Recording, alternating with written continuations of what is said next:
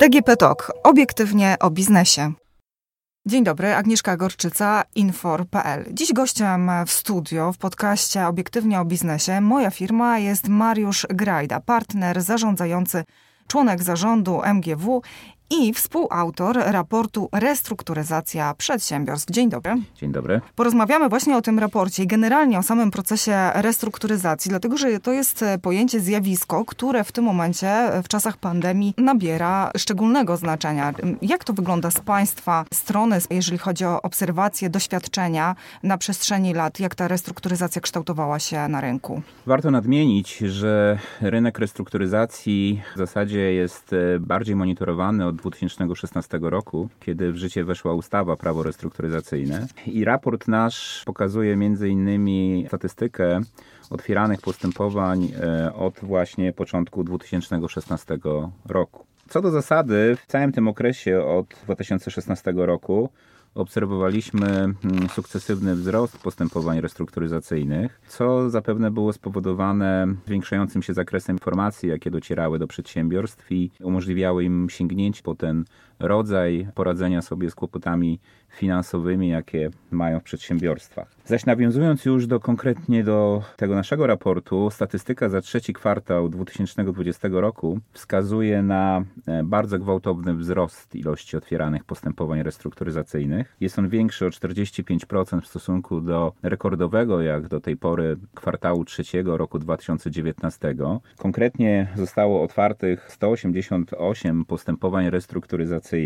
E, w większości to były uproszczone postępowania restrukturyzacyjne, czyli taki nowy rodzaj postępowania, który wszedł w życie dzięki ustawie popularnie zwanej Tarcza Antykryzysowa 4.0 w czerwcu 2020 roku. Jednakże ten wzrost wskazuje właśnie już i, i inne dane, które są zawarte w tym raporcie, o których pewnie będziemy za chwilę rozmawiać, wskazuje na pogarszającą się kondycję przedsiębiorców i na konieczność uruchamiania procesów, które mają przeciwdziałać upadłości bądź likwidacji firm. No właśnie, my tutaj w studio raport w takiej wersji papierowej jak najbardziej mamy i cały czas sobie go przeglądamy. Ja widzę, że tutaj we wstępie Państwo zaznaczyliście, że ten raport to jest taka baza wiedzy i bardzo dużo informacji znajdą w nim nie tylko przedstawiciele i przedsiębiorcy, ale także prawnicy, doradcy czy przedstawiciele firm e, windykacyjnych, a także banki. E, w jakim celu Państwo stworzyliście, panowie stworzyliście ten raport? Jako firma zajmująca się profesjonalnie prowadzeniem e, postępowań restrukturyzacyjnych uważamy, że trzeba przekazywać informacje obrazujące instrumenty, których mogą korzystać przedsiębiorcy w sytuacji, kiedy pojawią się jakieś problemy. Te informacje e, dokładnie posegregowane, przeanalizowane, w których pojawiają się też nasze komentarze, jak również prognozy na przyszłość, winny pomóc przedsiębiorcom e, lepiej e, zaplanować taki proces postępowania, jeżeli już będzie taka potrzeba, jak również nieść taką większą trochę świadomość o tym, czym te postępowania są, jak długo trwają, w jaki sposób się mogą zakończyć, jakie są rodzaje tych postępowań, na co można liczyć, jeżeli chodzi o sposób ułożenia się z wierzycielami. To wszystko właśnie w tym raporcie jest zawarte. No właśnie, i od czego takie postępowanie się zaczyna w przypadku firmy, która no, chciałaby na tą ścieżkę wejść, albo musi wejść na przykład? Od czegoś, coś, co jest najtrudniejsze, tak. czyli od decyzji. to nie jest wcale takie proste zdecydować się na postępowanie restrukturyzacyjne. Szczególnie, że wielu przedsiębiorców po prostu nie wie, z czym to się wiąże. Zbyt słaba kampania informacyjna, brak ta czasu, szukania. Ta świadomość rośnie, ale mhm. przedsiębiorcy są skupieni na własnym biznesie, na jego rozwijaniu, a często na zapanowaniu nad problemami, które się pojawiają. I aktów prawnych w ostatnim czasie mamy całe multum i ich śledzenie jak zwykle jest oczywiście kłopotliwe. Dlatego staramy się właśnie w taki skondensowany sposób, wyłapując te elementy najważniejsze, trochę im pomóc, dostarczając te, tej wiedzy. Ale wracając do tego, co muszą zrobić przedsiębiorcy. Podejmują decyzję e, pozytywną i co To dalej? muszą, podejmując decyzję pozytywną, e, zdecydowanie postawić na e, właściwy podmiot, który ich przez ten proces przeprowadzi. Odradzałbym samodzielne próby, zresztą to jest wręcz niemożliwe, bo ci uczestniczyć w takim postępowaniu licencjonowany doradca restrukturyzacyjny, ale muszą wybrać podmiot, który nie tylko od strony prawnej jest przygotowany do tego, żeby prowadzić to postępowanie, ale musi też od strony ekonomicznej umiejętnie poprowadzić ich procesem naprawy firmy. W pierwszej kolejności, w zależności od rodzaju postępowania, tworzony jest spis wierzytelności. Czyli spis wszystkich zobowiązań, które powinny znaleźć się w takim postępowaniu restrukturyzacyjnym w układzie.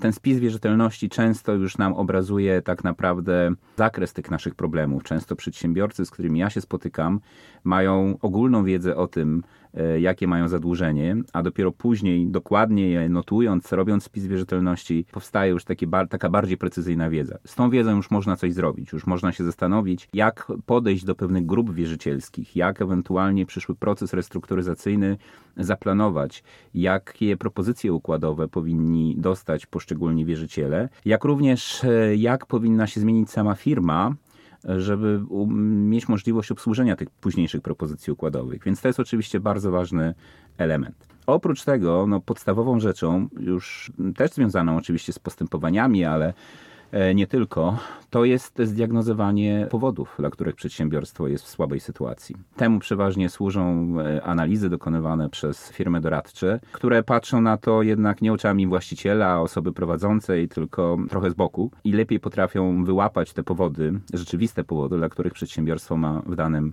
momencie kłopoty. A jest ich mnóstwo i mo można na ten temat mówić długo. Mhm. Państwo tutaj w raporcie również podzieliliście mm, te procesy w zależności od branż. Które branże branże dominują? Obecnie na pewno obserwujemy istotne wzrosty branży związanej z handlem hurtowym i detalicznym. Tutaj w trzecim kwartale w zasadzie największa ilość podmiotów decydowała się na otwarcie takiego postępowania. Jak głębiej się przyjrzymy temu, e, jakie kategorie podmiotów otwierają takie postępowania, to widzimy, że to przeważnie są przedstawiciele branży odzieżowej na przykład, duża grupa. I to są mm, przedsiębiorcy, którzy zwykle są ulokowani w większych miastach. Tak, bo jest tutaj nawet mapka, e, która nam pokazuje, jak wygląda struktura terytorialna takich otwieranych postępowań. Tak, ta struktura terytorialna. Mazowieckie na pierwszym miejscu. Tak, to jest oczywiste, bo tu jest pewnie najwięcej podmiotów gospodarczych. Zresztą jest tak, że najwięcej podmiotów decyduje się otworzyć te postępowania na tych terenach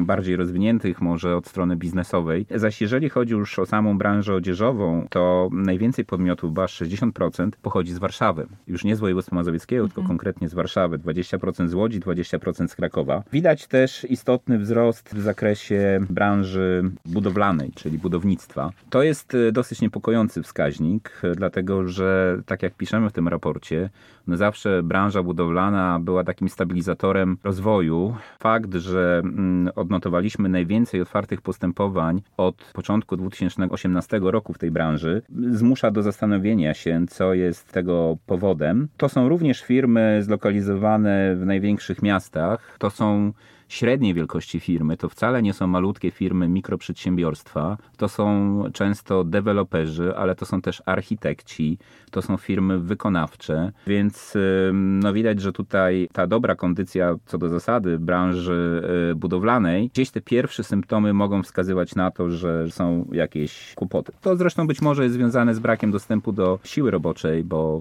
e, no jednak pandemia, lockdown spowodował e, czasowy kłopot z pracownikami tak, odpływ pracowników, tak. nie wiadomo, o, czy wrócą. Jeszcze o jednej y, branży pewnie warto wspomnieć i tak nie pokazaliśmy bardzo wyraziście w tym raporcie, ale to są podmioty zajmujące się prowadzeniem restauracji, czyli szeroko rozumiana gastronomia. W stosunku do ilości otwieranych przedsiębiorstw to może nie jest to jakoś bardzo duża grupa podmiotów, ale my grupowaliśmy jakby tę branżę po PKD, więc w zakresie jakby tego PKD, w którym objęta, którym objęta jest branża gastronomiczna, to 100% jakby grupy firm właśnie są firmy e, zajmujące się gastronomią. No to jest dosyć oczywiste. Teraz następne zamknięcie, kolejne zamknięcie jakby Uderza restauracji sektor, tak. będzie uderzało w ten sektor, mhm. a przyznaję, że ten sektor do, do tej pory nie miał szczególnej pomocy, no a ta pomoc, która jest w tej chwili gdzieś e, awizowana wydaje się być daleko niewystarczająca. Pojawia się też rynek motoryzacyjny i e, branża rolnicza.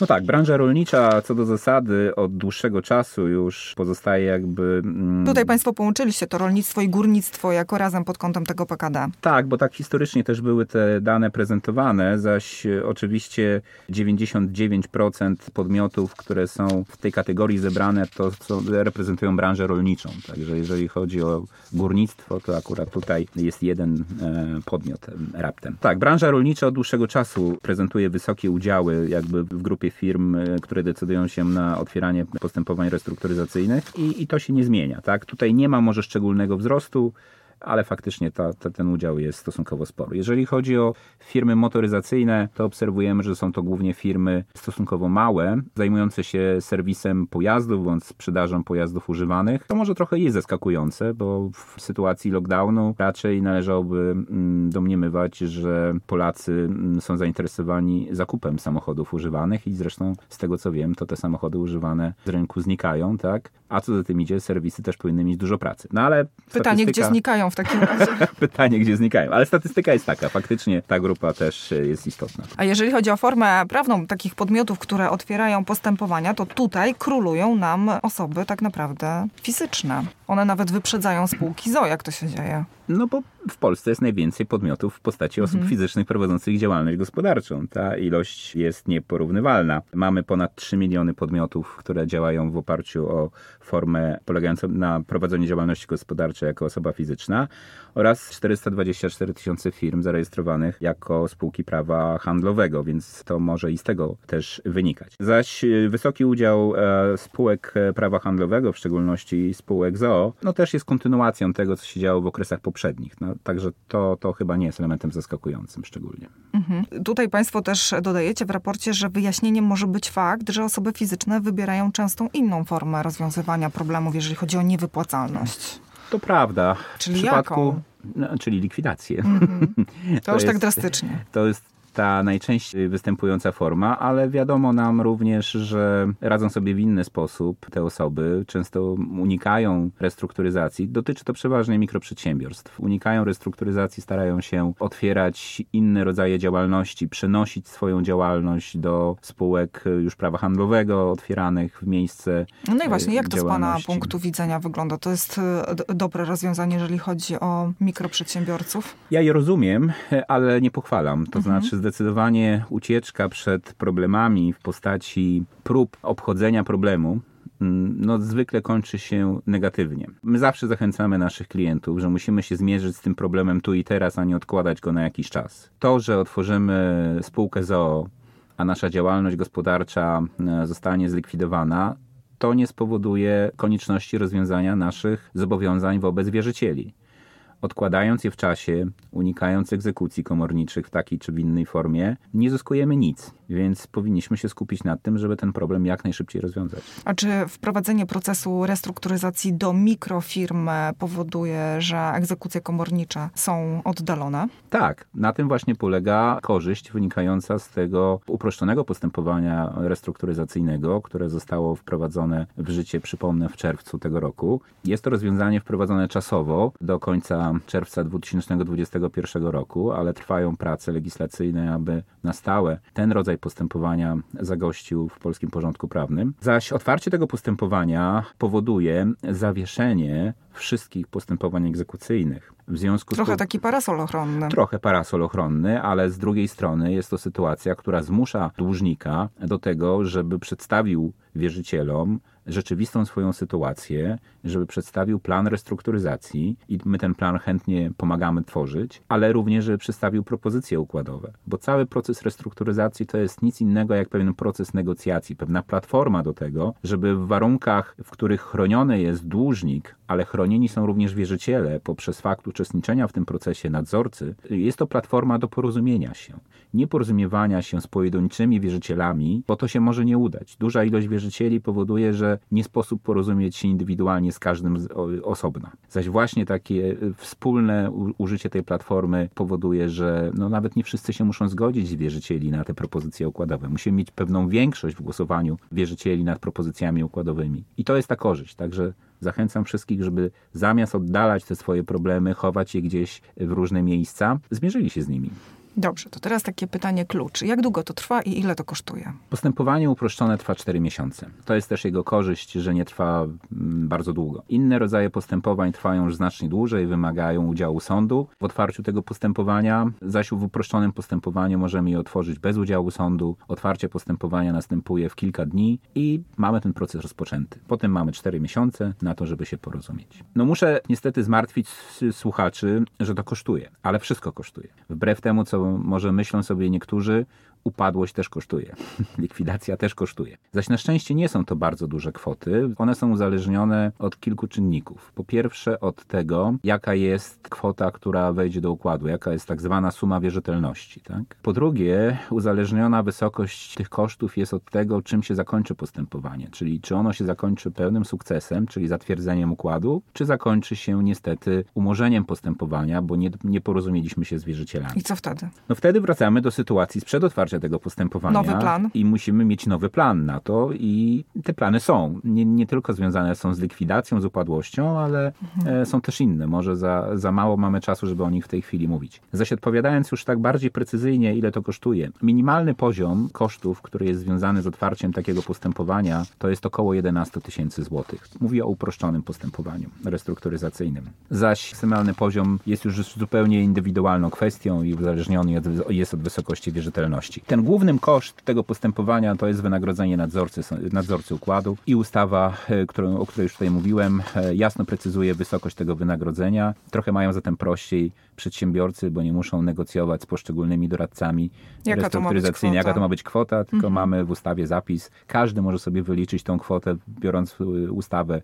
Jest to akurat wyjątkowe, jak na obecne akty prawne, czytelnie napisane, więc łatwo to zweryfikować. Zastanawiam się tylko, czy dla małego przedsiębiorcy, mikroprzedsiębiorcy kwota zaporowa w momencie, kiedy jest już na skraju bankructwa. Ale tu mamy dobrą informację dla słuchaczy. O proszę. Weszła w życie w sierpniu e, nowa ustawa, ustawa o pomocy publicznej w celu ratowania lub restrukturyzacji przedsiębiorców i dzięki tej ustawie przedsiębiorcy mogą uzyskać e, pomoc publiczną, która e, będzie polegała na udzieleniu takim przedsiębiorcom w dużych kłopotach, również takim, którzy mają zaległości podatkowe, również takim, którzy mają wypełnione te biki nieszczęsne, udzielenie pożyczki. Pożyczki, która ma być, może być przeznaczona na pokrycie bieżących kosztów funkcjonowania firmy, ale również ona może być przeznaczona na pokrycie kosztów przygotowania i otwarcia i przeprowadzenia postępowania restrukturyzacyjnego. Z końca września rozpoczęto zbieranie wniosków od podmiotów zainteresowanych uzyskaniem tej pomocy. Wiemy, że te wnioski spływają. Nie jest może ich jeszcze bardzo dużo, bo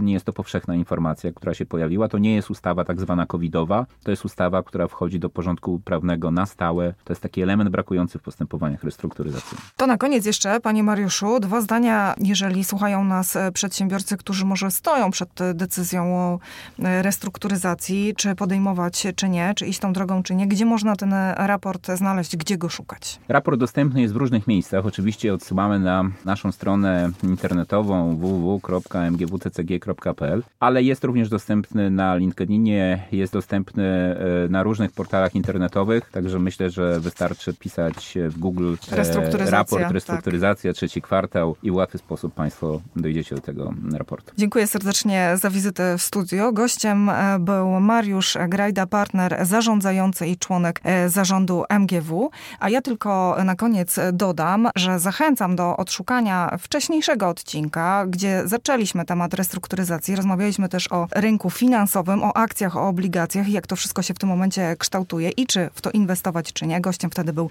Benedykt Wiśniewski, również z firmy e, MGW. Dziękuję serdecznie Bardzo za wizytę. Państwu dziękuję. Życzę powodzenia i trzymam kciuki, żebyście Państwo w zdrowiu i w pomyślności przeżyli te następne okresy. Dziękuję serdecznie. Dziękuję.